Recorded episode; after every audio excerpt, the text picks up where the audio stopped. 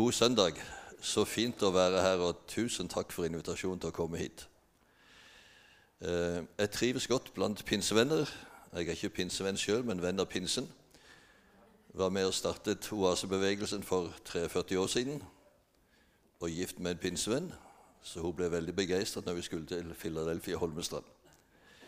Men for et par dager siden så ble jeg akutt forkjølt. Og dette i nesa og rennende nese og sår hals og alt mulig. Så jeg tenkte hvordan skal dette gå? Men så tenkte jeg på en søndagsskolelærer som hadde aldri sviktet sine barn, men ble fryktelig forkjølt. Og tenkte jeg får jo prøve likevel. Og gjennomførte det med høy feber og dette i nesa. Og neste uke husker jeg ikke engang hva det ble talt om. Så hun tenkte hun burde ta en sjekk hos barna da. Er det noen som husker hva jeg talte om sist søndag? Hendene i været. Du, du snakket om Baria Bagdabeba.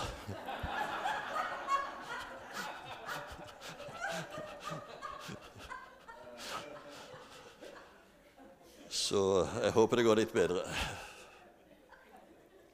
Men temaet er altså 'Derfor tror jeg'. Og jeg har altså fått vite at dere har brukt det som bok i livgruppene deres, og det var veldig hyggelig. Og talen i dag det kommer til å bli en lite sånn en, skal vi si, konsentrat av noe av det som står i boken.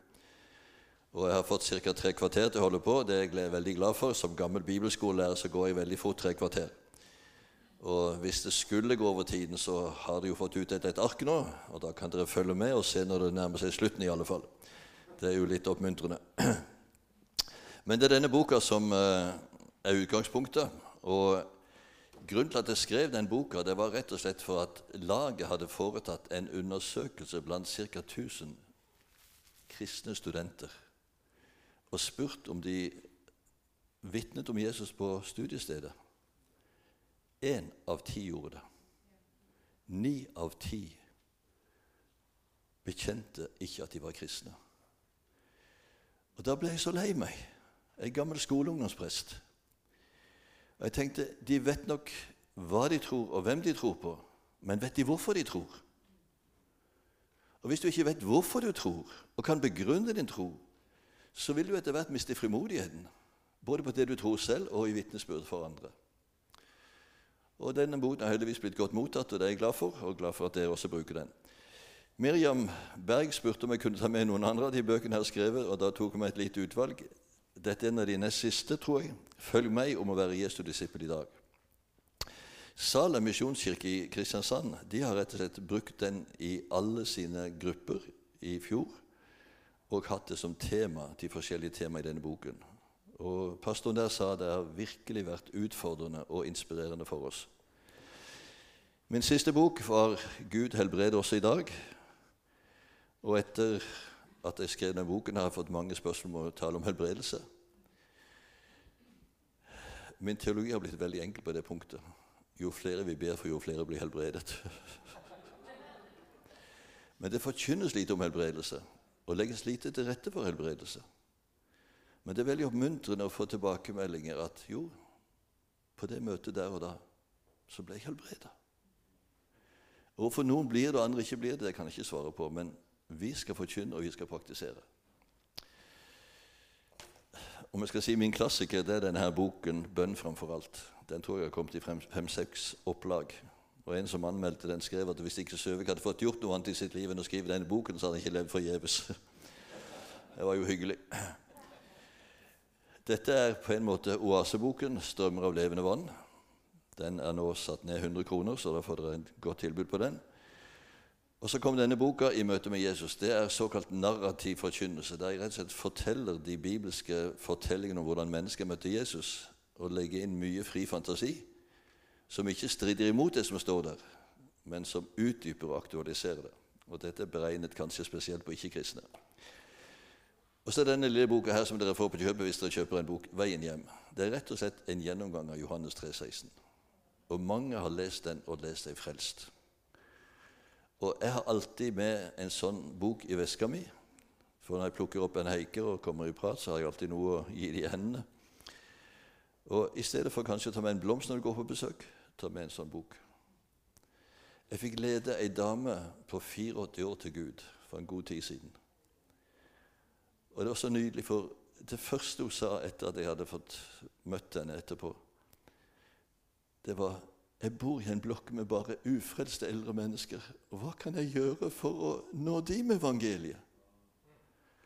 Ja, du kan jo lese denne lille boka som du skal få av meg, og så kan du kanskje ringe på hos nabokona og si at du, innholdet i denne boka forandrer livet mitt. Har ikke du lyst til å lese den?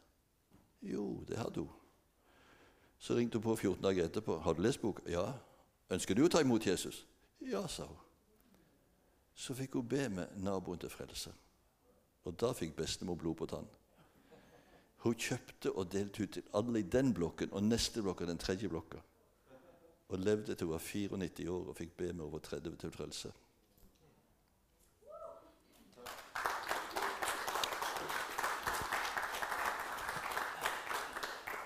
Det var dagens reklame. Nå begynner jeg. Jeg sier innledningsvis at vi lever i en tid der åndskampen skjerpes. Det merker vi her i landet. Det har de merket både i Finland. Minister Resenen har jo blitt anklaget for hatuttalelser da hun siterte fra Bibelen. Hun ble frikjent i tingretten anket til de anket til lagmannsretten. Jeg vet ikke hvordan rettssaken nå har gått, men hun er villig til å gå like til Strasbourg om hun skulle bli dømt.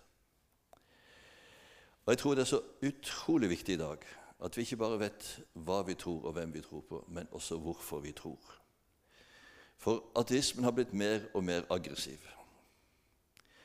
De sier at verden er blitt til ved et produkt av masse tid og tilfeldighet. Og jeg syns det skal sterkt tro til å tro det.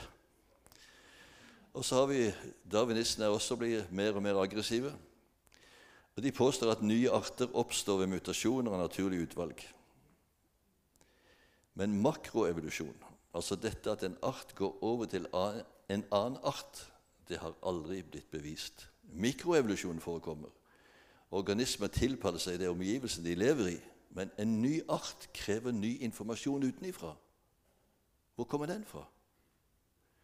Og I dag er det en stadig større og større bevegelse som trekker darwinismen i tvil. Hvis du går inn på descentfromdarwin.com, så er det over 1200 vitenskapsmenn som har skrevet under på at de tror ikke på darwinismen. Så skjer det en sekularisering.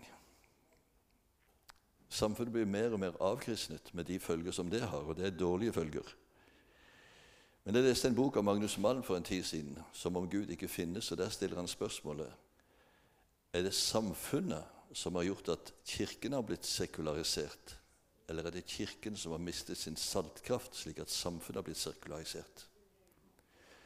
Og hvis vi ikke lenger tror at Gud har talt i sitt ord, og at det ord er sannhet, så mister vi lys- og saltkraften vår. Og da går samfunnet i forråtnelse.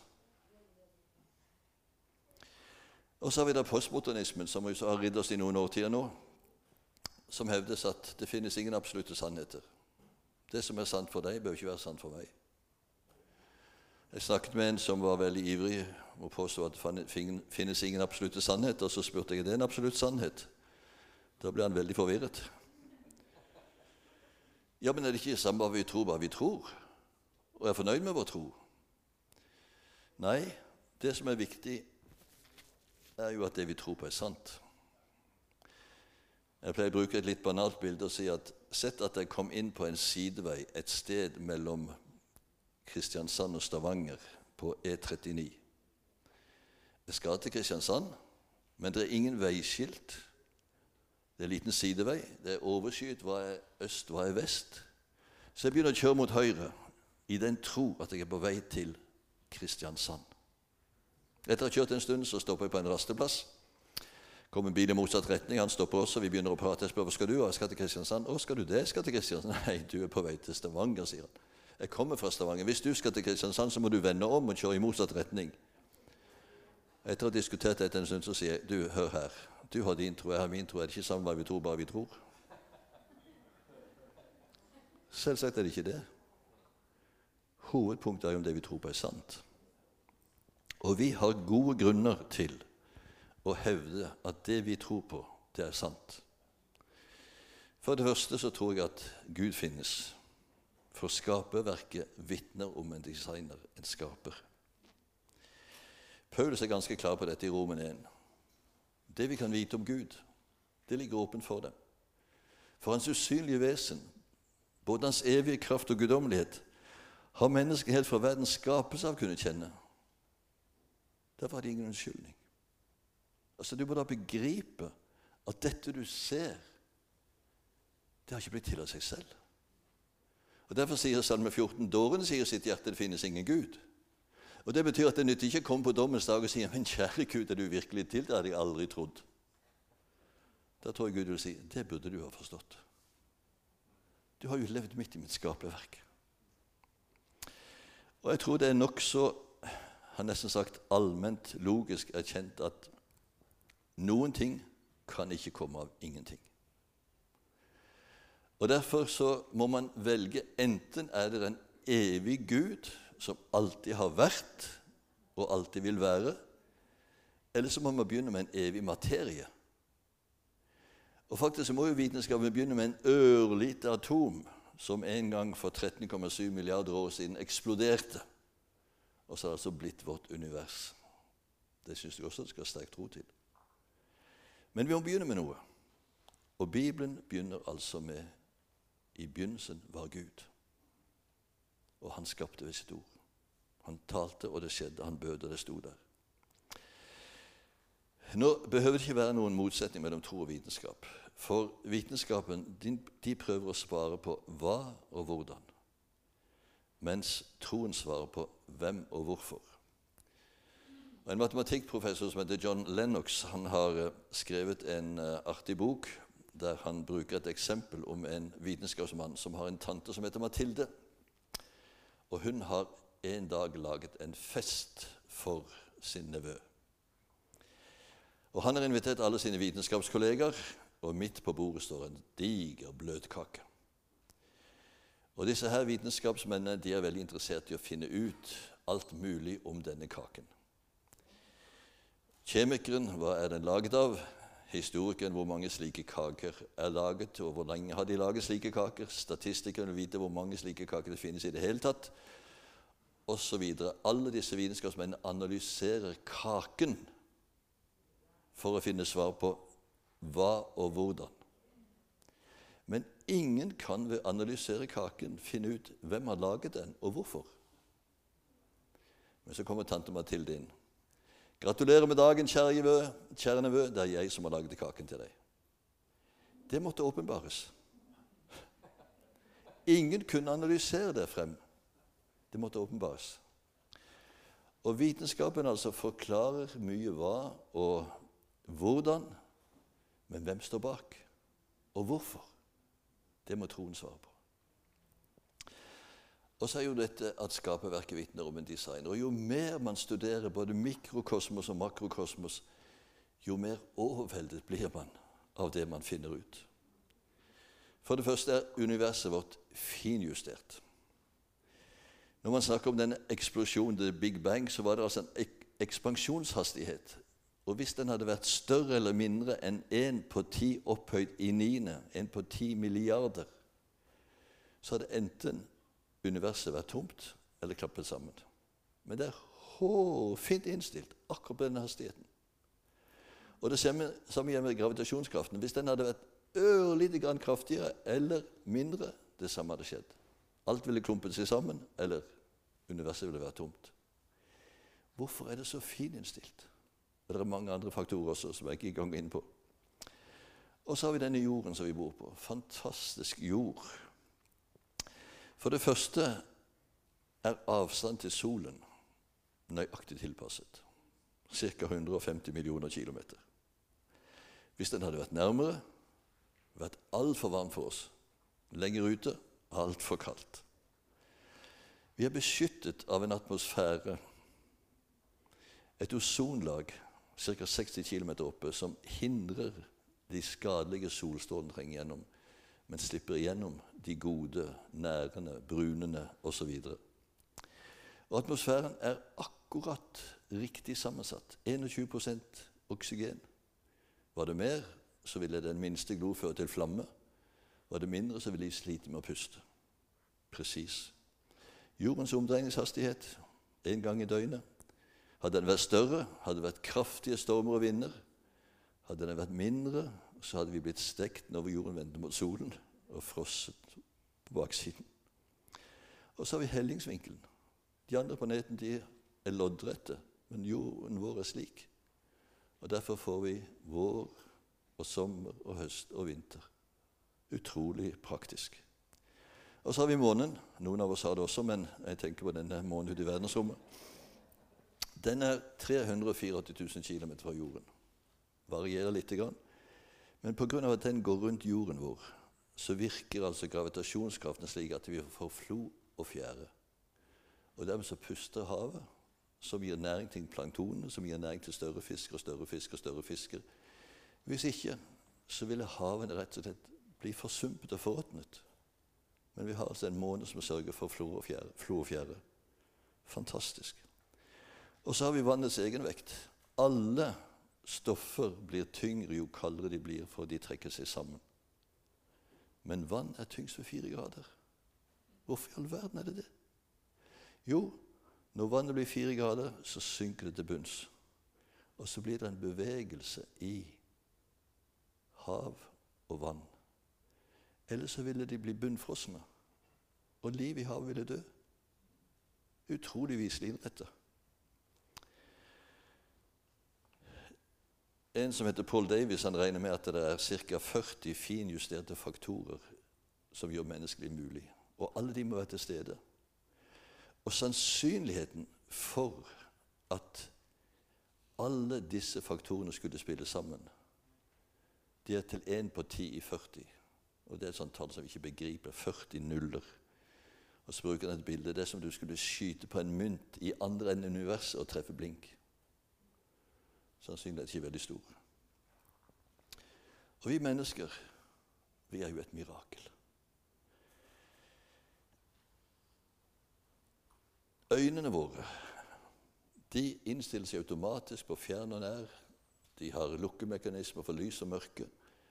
Fantastisk instrument. Overgår alt det som optikere kan lage. Hørselen vår også et mirakel.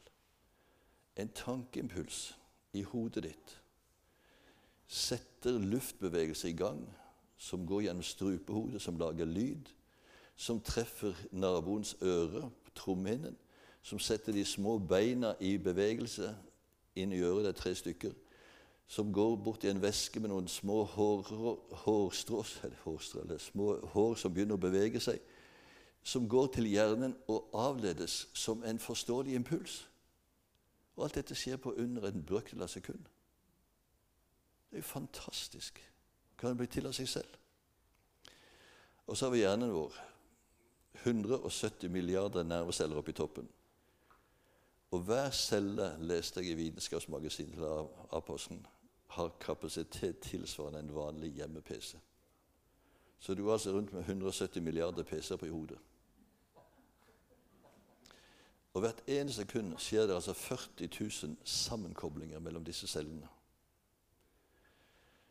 Og så er kroppen vår sammensatt ja, Noen sier 30-40 billioner. Det høyeste tallet jeg har lest, er 100 billioner. Men hver celle er som et komplisert maskineri, som er nesten som en by. Og selv om den bare er en hundredels millimeter stor, så har den transportsystem, transportsystemer, den har vakthold, den har energimotorer som går med 4000-6000 omdreininger per minutt. Per sekund. Per minutt, mener jeg. Og hvis det blir stor aktivitet, kan de gå opp til 5000 omdreininger. En kjent britisk ateist som heter Anthony Flew, han skrev en bok da han hadde passert 80 år. 'There is no God'. Og så hadde han streket over 'No, there is a God'. For når han begynte å studere mikrobiologien og så hva som finnes i én cellekjerne, så skjønte han at ateisme det er jo komplett umulig. For i cellekjernen, som er på en måte cellens kommandotårn, der ligger altså DNA-molekylet, som er cellens informasjonssentral. Og denne DNA-strengen som finnes inni hver celle, den er ca. to meter lang i hver celle og er to nanometer, to milliardels millimeter tykk. Og Hvis du da ganger fem million, hvis du da ganger dette med antallet celler, så er det altså en nanostreng i hver kropp som kunne gått fem millioner ganger rundt jorda. Det er liksom helt ubegripelig. Og en ateist som Richard Dawkins han sier at det er nok kapasitet i én celle til å lagre alle 33 bind av Encyklopedia Britannica tre til fire ganger. Og det er jo et enormt bokverk på 33 bind av 1000 sider med to spalter og liten skrift. Hvem har plantet informasjon? Han sier også at ett gram DNA inneholder like mye informasjon som én billion CD-er. Hvordan de regner ut, jeg kan ikke begripe. Men det som i alle fall er saken, er at tilfeldighet skaper ingen informasjon. Du kan analysere alle disse stoffene som cellen består av. Det finnes ingen informasjon i stoffet. Men det er lagret informasjon som er avlesbart og forståelig. Og hver celle, når den deler seg, deler seg presis nøyaktig. Det som du skulle skrive av Bibelen og, gjøre, og ikke gjøre noen feil. 100% korrekt avskrift. En professor som heter Wilder Smith, han har skrevet en bok som heter 'Den som tenker, må tro'. Han har et par doktorgrader og er ikke noen dum kar. Men han sier det at La oss nå gjøre et lite eksperiment. Vi er vitenskapsmenn, og vi går en tur på stranden. Der står det plutselig skrevet i sanden 'John elsker Marit'. Og Nå skal vi som vitenskapsmenn finne ut hvem har skrevet dette. Vi setter opp en hypotese. Én John, to Marit, tre en tilfeldig passerende som gikk forbi og så at de sto og klinte. Ok, Så skal vi prøve å verifisere disse hypotesene. Men hvis du som vitenskapsmann påstår at vind og bølger har skapt den informasjonen Bølgene skyldte på landet et skjell som laget en J, og så en stein som laget et avtrykk som en O, og så blåste vi inn et par-tre pinner som laget en N. Og etter tid og tilfeldighet så sto det plutselig skrevet i sanden 'John elsker Marit'. Hvis du påstår at dette ble til ved tilfeldighet, så vil jeg gi deg et godt råd. Finn deg en annen jobb. Vitenskapsmannen er du iallfall ikke. Men informasjonen i hver celle i kroppen skal liksom ha blitt til ved tilfeldighet. Det er nesten en gang noen av de som spør hvor dum går det an å bli. Men det tror man altså. Vel, vi skjønner at det finnes en Gud, men hvordan er han? Altså Hvis jeg ser et maleri, så vil jeg si med stor sannsynlighet det er en kunstner som har laget dette. Det har ikke blitt til av seg selv. Ja, noen malerier ser ut som det blir til av seg selv, men det er en annen sak. Men stort sett så kan vi si at bak et kunstverk er det en kunstner. Men hvordan er denne kunstneren? Det vet du ikke uten videre ved å se et maleri. Og vi kan tro og si med stor sannsynlighet der er en Gud bak. Men hvordan er han? Heldigvis så har han åpenbart seg i en historie, i et bestemt folk. Og dette er nedtegnet i Bibelen, og den er pålitelig. Det har jeg et stort kapittel om i den boken, så det kan jeg ikke gå inn på. Og til slutt så åpenbarte Gud seg på endegyldig måte i Jesus Kristus. Og alt som siden har skjedd av åpenbaringer, er egentlig bare å utdype dette som skjedde med Jesus. Og Jesus han ble født i et lite land som heter Israel. Ved vår tidsregnings begynnelse. Og Det er jo derfor vi regner vår tid etter Jesu fødsel. I tre år vandret han rundt i dette landet sammen med en flokk på tolv disipler. Og de så han, de hørte han, og de tok på han. Og Når Johannes skriver sitt første brev, så sier han det som var fra begynnelsen, det vi har sett med våre øyne, det vi har hørt, det som vi tok på med våre hender, om livets ord forkynner vi for dere. Og så gjentar han det to ganger til at vi har både sett og hørt. Og bedre vitner finnes ikke. Så vi vet faktisk hvordan Gud er, fordi at han har åpenbart seg i Jesus Kristus. Og Det ble sett, og det ble hørt, og det ble skrevet ned, og vi har det her i denne boken. La meg bruke et bilde til. Vitenskapen har jo nå i over 30 år hatt svære antenner og lyttet på verdensrommet. Finnes det liv der ute? Og De har til dags dato ikke fått noen signaler som tyder på det. Og Vi er altså en del av en galakse som heter Melkeveien. Og nærmeste sol eller stjerne i denne galaksen det er Alfa Centauri. 4,3 lyser borte. Og Et lysår det er så langt som lyset går på ett år, og lyset går 300 000 km i sekundet. Så det er ganske langt. Og Nå leste jeg i et vitenskapsmagasin at det er en planet som går rundt en av disse her solene, som går rundt av solen, som heter Proxima B. Og Der skal det visstnok være betingelser som ligner på jorden. Så finnes det kanskje liv på denne planeten. La oss tenke oss at det gjør det. Hvordan ser de ut? Som oss? Eller som disse rare skapningene i Star Wars? Altså, Vi kan gjette, men hva du gjetter, eller hva jeg gjetter, det er fullstendig irrelevant egentlig. Vi vet ikke. Men sett at det nå landet et romskip på Torp, og så reiser vi ut. Og Så kommer noen rare vesener ut av dette her romskipet og forteller at de kommer fra Alfa Centauri. De har lyttet på jorden, lært vårt språk. Vi får hilse på dem, vi får snakke med dem, vi får ta på dem. Da kunne vi si etterpå vi vet at det finnes liv på Alfa Centauri-systemet, og vi vet hvordan de ser ut, for vi har sett dem, og vi har hørt de var tatt på dem. Ikke sant? Hvor fantastisk den høres ut, så er det det som skjedde nede i Israel. Og Jesus sier, 'Den som har sett meg, har sett Faderen'. Og Vi har altså ca. 25 000 håndskrifter til Det nye testamentet. Og Det eldste fragmentet er faktisk fra 125 etter Kristus. Et lite stykke av Johannes evangeliet.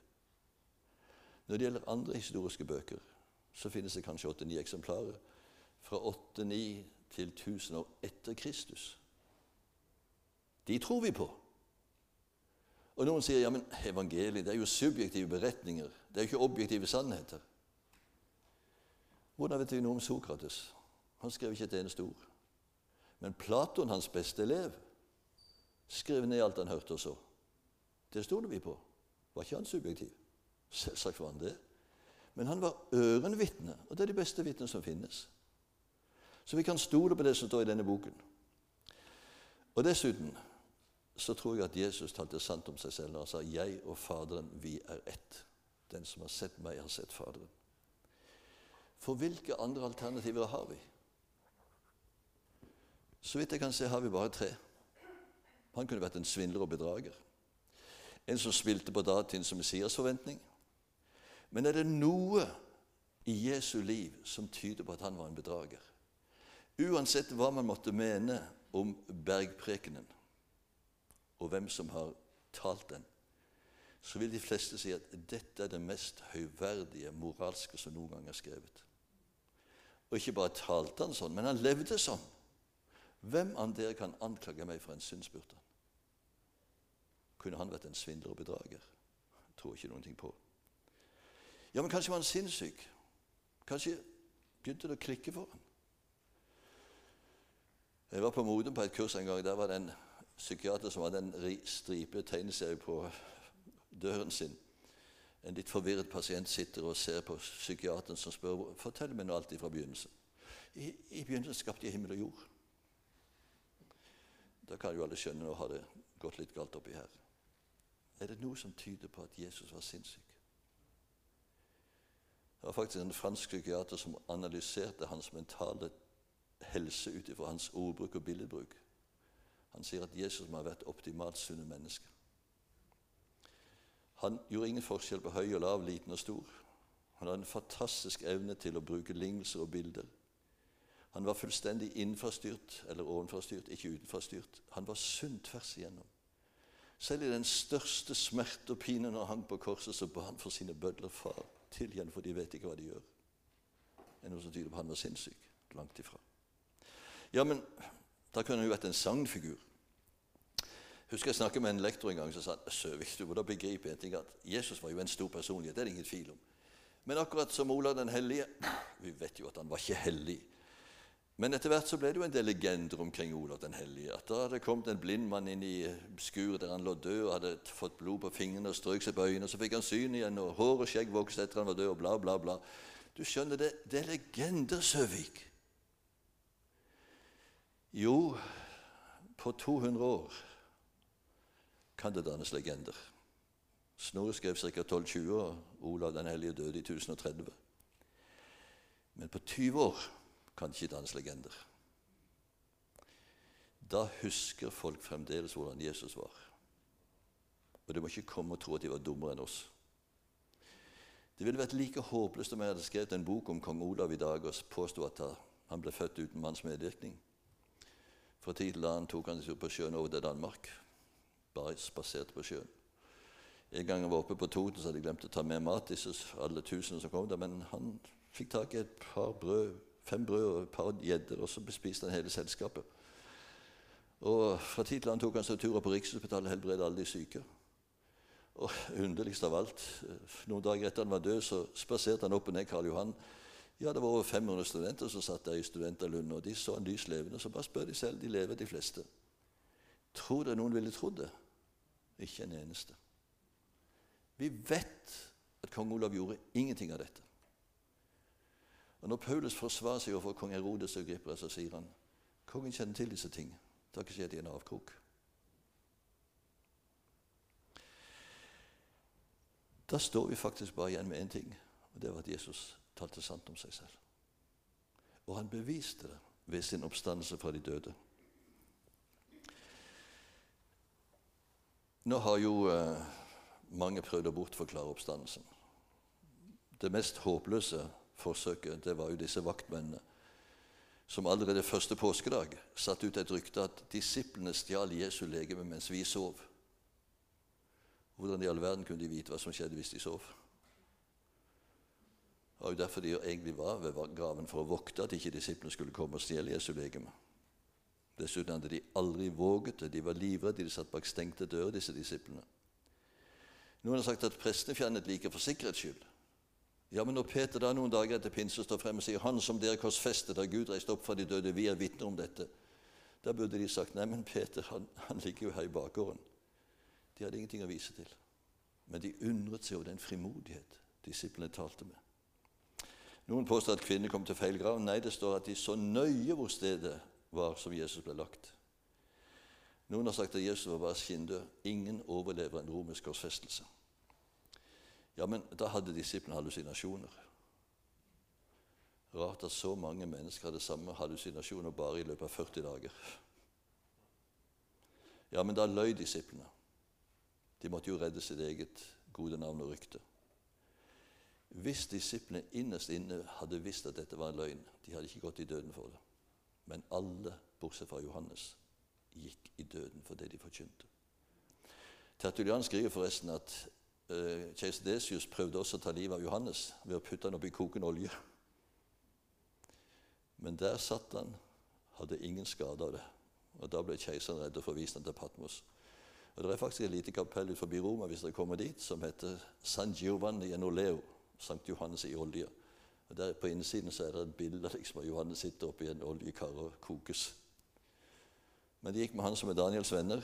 De, han ble ikke skadd. Vel, om det er sant eller ikke, det skal ikke jeg påstå. Men det som er interessant, det er at det finnes jo en rekke øyenvitner. Og selv om kvinnene på den tiden ikke hadde juridisk vitneverdi Man regnet faktisk ikke kvinner som troverdige. Beklager kvinner, men sånn var det på den tiden. Så forteller alle evangeliene at kvinnene var de første som kom til graven. Og det vitner om evangeliets troverdighet. Men når Paulus skriver til korinterne, så bruker han mannlige vitner. Og Den første han nevner, det er Peter. Kefas. Han som hadde bannet på at han ikke kjente Jesus. Han er rett og slett første vitne. Og Så nevner han de tolv. Egentlig var de vel bare ti den første kvelden. Judas var sviktet, en Thomas var borte. Men tolv var et vanlig navn på disippelflokken. Og så nevner han 500 på en gang. Av dem lever de fleste. Underforstått spør de selv. Men det sterkeste vitnet er jo Jakob, Jesu bror eller halvbror. Det står om Jesu brødre de trodde ikke på han. Og Tenk deg selv at du hadde en storebror. En dag sto han frem mens han var kommet fra Gud. Du hadde ringt nærmeste psykiatrisk sykehus og bedt om snarlig innleggelse. Og Det sa jo brødrene også. Han er fra forstanden. Men et apokryft evangelium som heter Hebreerevangeliet, forteller at Jesus viste seg for Jakob. Og da kom Jakob til tro. Og vi vet både ut ifra Efsebios' kirkehistorie og ut ifra Galaterbrevet at Jakob ble den første forstander for menigheten i Jerusalem som tilba sin bror som Gud. Historisk fakta. Og det er en dag i dag for en jøde å tro at Jesus er Gud. Det er så å si umulig. For jødene har jo lært og bekjent fra Moses av 'Hør, Israel, Herren vår Gud, Herren er én'. Og det ber til Jesus som Gud. Da blir det to, hvis ikke da Jesus og Faderen er ett. Men Jakob kom til tro. Fantastisk vitne. Og så har vi alle apostlene. Det var en større sirkel. Apostel betyr også utsending misjonær. Og så til sist Paulus i 1. Korintene 15. Og så har jeg i over 40 år studert og lest og gransket og besøkt Torino og sett etter Jesu liklede. Jeg har vært der to ganger. Første gangen var utrolig sterk opplevelse. Selv om jeg hadde sett hundrevis av bilder og lest hundrevis av artikler, å stå foran dette linkledet og se dette avtrykket av Jesu kropp og se blodflekkene fra såret i siden Jeg sto og gråt i ti minutter. Og jeg kunne ikke fortelle om det uten å ta til tårene i lang tid etterpå. Det var så utrolig sterkt. Og Når de forsker på dette kledet i over 100 år, og alt det de finner ut, bare stadfester at dette er det kledet der Jesus ble lagt i graven Og så, påskemorgen, så griper Gud inn med sin veldige kraft og reiser Jesus opp fra de døde. Og han har stått opp tvers gjennom likledet. Det er ingen tegn til han har tatt det av seg. Men det er dannet et svimerke. En femtusendels millimeter dypt som har vært en utrolig kraftutladning i et milliardels sekund, kanskje. Der man kan avlese hele lidelseshistorien. Skulle gjerne holdt en tale om det også. Men da de hadde undersøkt dette i tre år, i 1978-1980, så hadde de en stor pressekonferanse. 450 vitenskapsmenn hadde jobbet 150 000 timer. Det kom 300 journalister fra hele verden, og en journalist spurte har dere i løpet av disse tre årene funnet noe som motstrider det evangeliet forteller. Og Det var samstemmig svar fra ca. 40 vitenskapsmenn fra ulike disipliner. Ingenting. Alt stemmer. Alt stemmer. Så hvis noen kommer og sier at evangeliet det er sagn og legender og myter Nei. Vitenskapen har påvist at dette stemmer til punkt og prikke. Vel, dette var apologetikkdelen. Jeg må ha en liten, mer oppbyggelig del også. Hvorfor tror jeg på Jesus? Er det pga. disse argumentene? Nei, egentlig ikke. De styrker min tro, men det var ikke det som var grunnen til at jeg kom til tro. Nå vil noen si at du er oppvokst i et kristent hjem, så det er nokså naturlig at du er kristen. Jo, og det er mange som er oppvokst i kristne hjem, og som sier at de har sin barnetro. Men det er forskjell på å tro at og å tro på. Jeg hadde en opplevelse for en tid siden. Det kom en mann innom kontoret og sa Søvik, kan du forklare meg en ting? Jeg har vokst opp i et kristent hjem. Jeg tror at Gud finnes, jeg tror at Jesus har levd, dødd og stått opp igjen. Jeg tror at alt som står i Bibelen, er sant, men jeg regner meg ikke som en kristen. Hva er det som mangler? Så brukte jeg en illustrasjon. Vi lærer ofte best ved illustrasjoner. Så sa jeg sett at du skulle reise til Oslo. Du går ned på stasjonen, kjøper en billett, går ut på perrongen. Der står toget. Du tror at det går til Oslo.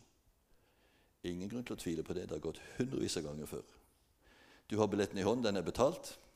Så lyder det i høyttaleren 'Tog til Oslo, klar for avgang, spor 2, ta plass, ta plass'. Det tror du også er sant.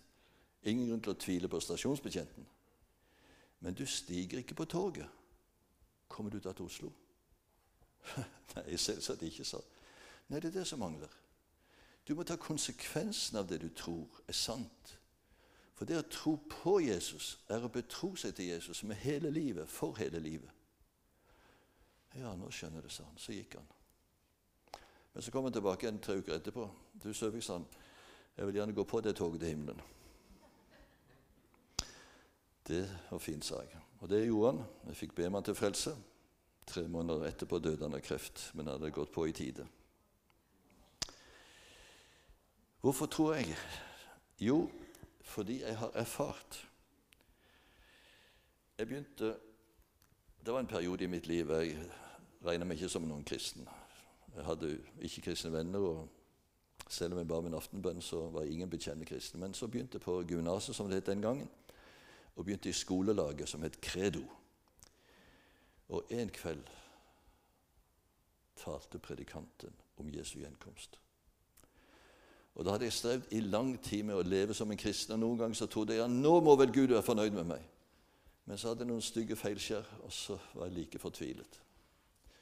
Men den kvelden sa predikanten hvis Jesus kommer igjen i kveld, og du er ikke rede, da kan du bare stå og vinke til de som tar av, for Jesus kommer og henter sine.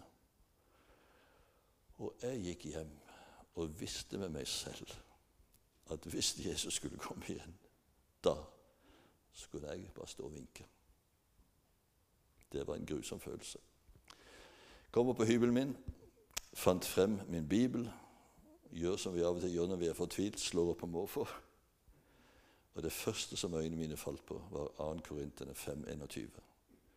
Han som ikke visste av synd, har Gud gjort til synd for oss, for at vi i ham skal stå rettferdig for Gud. Og Nå har jeg en nokså visuell fantasi. Jeg så liksom for meg her var Jesus.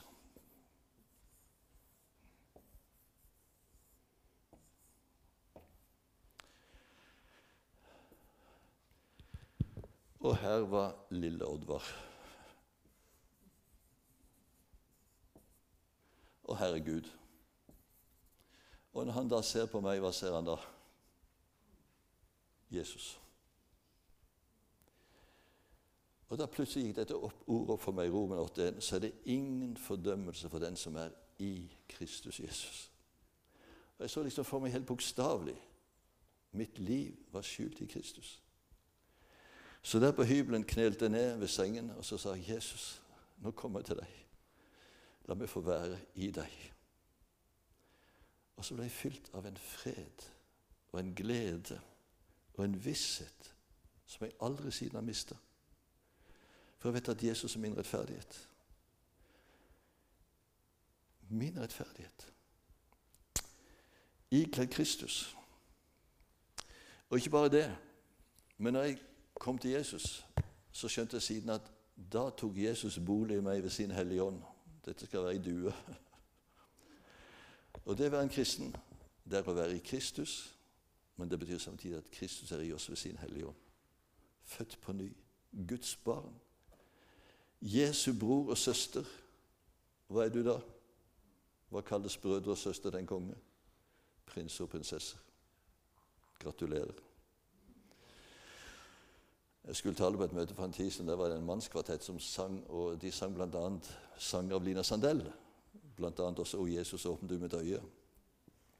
Og Da jeg kom frem på talerstolen, så sa jeg tusen takk for denne nydelige sangen deres. Det var så synd at dere sang feil. Feil? Ja, hva sang dere i siste verset, sa jeg.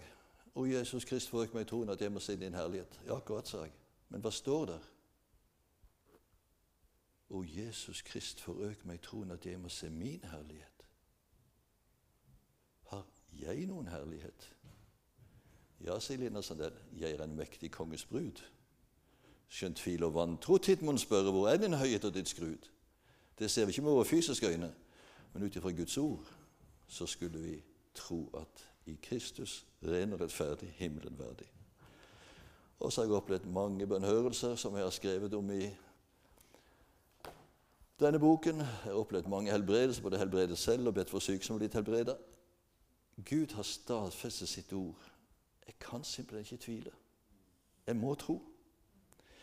Og Da blir spørsmålet helt til slutt hvordan kom vi egentlig til den troen? Ja, La meg først si at det begynner egentlig med at Gud kaller på oss. Jesus sier i Johannes 6, 44, 'Ingen kan komme til meg uten at Faderen som har sendt meg, drar han'. Og det begynner, Noen ganger kan Guds godhet drives til omvendelse, noen ganger så kan vi oppleve tragiske ting. Jeg var russ for 60 år siden, og jeg var borte på Bryne og feiret dette i juni. Og Da måtte vi minnes våre, russ, våre russevenner fra 1963 som omkom i en bussulykke ved Flikka. Ni kristne russ druknet da bussen de satt i, kjørte utfor veien. Men hva skjedde i etterkant? Det ble vekkelse blant russen. Tenk om jeg hadde sittet i den bussen. Så noen ganger må Gud bruke sterke midler for å vekke oss. Men ellers så pleier jeg å si at Guds kall er nesten som et frieri. Jeg husker forresten at jeg reiste fra Oslo til Kristiansand med tog og kom i prat med sidemannen, som da tilfeldigvis var en ung, hyggelig dame. Og jeg spurte etter hva hun drev på med, hun fortalte villig om det. Og når jeg hadde spurt om det meste hun ikke hadde mer å si, så måtte hun spørre hva jeg drev på med. Og da satt hun i saksa. Men hun hadde ingenting imot kristne mennesker. Langt derifra. Hun kjente mange hyggelige kristne mennesker. og kunne godt tenke seg å bli en kristen en eller annen gang. Nå da? Ja, når jeg blir gammel, f.eks., sa hun. Ja vel, men er du sikker på at du får noe kall da? Ja, hva jeg mente med det? Ja, sett at det kom en ung mann og fridde til deg nå, og du sier jeg har ingenting imot deg, du ser hyggelig og grei ut, men jeg kan ikke tenke meg å begynne meg til deg nå. Kom igjen når jeg sitter på gamlehjem, da kan vi gifte oss. Det er ikke sikkert han vil komme igjen, og da vil ikke du bli gift. Så i dag, om du hører hans røst, så forherdiger ditt hjerte. Gud kaller. Og da kan vi komme. Og det å tro på Jesus, det er både å komme til Han, som Jesus sier i Johannes 6, 35, 'Jeg er livets brød'. Den som kommer til meg, skal ikke hungre, og den som tror på meg, skal aldri noensinne tørste. Eller Johannes 1, 12, Alle de som tok imot han, ga han rett til å bli Guds barn, de som tror på hans navn. Så vi kommer ved å be og bekjenne.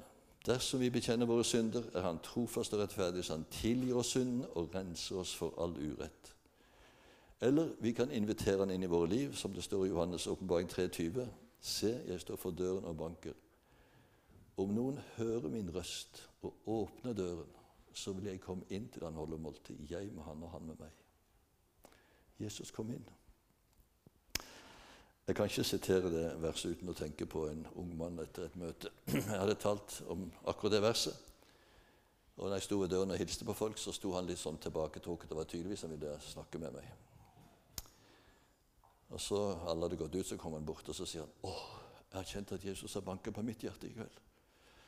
'Og jeg vil gjerne ha han inn, men hvordan skal jeg få han inn?' Det sa du ingenting om. 'Nei, det har du rett i', sa jeg. 'Kom, la oss prate litt.' Han hadde vært med på litt av hvert, var ikke mors beste barn, men nå vil han ut av dette miljøet. Nå vil han ta imot Jesus. Hvordan får jeg han inn, sa han. Så glapp det ut av meg nesten ut av det jeg tenkte meg om. Du, Hva ville du gjort hvis du en kveld fikk besøk av din beste venn? Han banket på døren. Du kikket gjennom det lille hullet, så hvem det var. Din beste venn. Du ville gjerne ha han inn. Hva ville du gjort? Jeg ville åpnet døren og sagt 'Kom inn'. Jeg kan ikke si det til Jesus også, sa jeg. Ja, Det er ikke så enkelt, sa han. Jo, vet du hva, så enkelt er det faktisk. Det rettferdige og hellige og fullkomne livet som Gud egentlig kaller oss til å leve, men som vi ikke makter å leve fordi vi er syndere og svikter og faller gang på gang, det livet levde Jesus. Og den straff vi var skyldige til pga. alle våre feil og fall og svik og svikt og nederlag, den straffen tok Jesus på seg. Han betalte den straffen ved å dø i vårt sted. Og Hvis du inviterer Jesus inn i ditt liv, så får du del i alt dette. Hans rettferdighet blir din rettferdighet. Hans soning for syndet blir din soning. Alt hans blir ditt. Ja vel, sa han. Og Før jeg visste ordet av det, så snur han seg rundt og kneler ned ved benken. og Jeg måtte bare knele ned ved siden. Og så sier han, 'Kjære Jesus, kom inn. Amen.' Det syns jeg var en altfor kort bønn. Han burde bekjent litt synd, iallfall. Men så tenkte jeg, er det nødvendig? Røveren sa, 'Tenk på meg når du kommer i ditt rike'. Så jeg la bare hånden bort på skulderen og sa, 'Kjære Jesus, takk for at du sier ditt ord, at om noen åpner døren, så kommer du inn.' Og så ba at Jesus måtte lede han og beskytte han og bevare han. Så reiser vi oss opp, og så smiler han over hele ansiktet. 'Å', sa han. Jeg kjente at han kom inn. og det er godt at det følelsesmessig kjennes også, men det viktigste er hva ordet sier. Den som kommer til meg, vil jeg ingenlunde støte bort. Uansett hvordan vi kommer, Jesus tar imot oss. Det var derfor han kom til jorden. La oss be. Takk, Herre Jesus, at du lever. Takk at du er midt iblant oss nå. Takk at du går midt mellom benkeradene nå. Og så spør du, som du spurte den blinde Bartimeus, hva vil du jeg skal gjøre for deg? Og så kan du både helbrede Jesus, og så kan du frelse oss i dag. For du er i går og i dag den samme, ja, til evig tid. Og så kjenner du hver enkelt som sitter her inne. Du vet om de som kanskje sliter med tvil, kanskje sliter med frelsesvisshet. Kanskje ennå ikke har lukket deg inn. Tror nok at du finnes, men ennå ikke invitert deg inn i sine liv som frelser Herre. Takk, Jesus, at det skal ikke mer til enn å si 'Jesus, kom inn'. Så kommer du for å bli der og gi oss del i det evige liv. Lovet være ditt navn. Amen.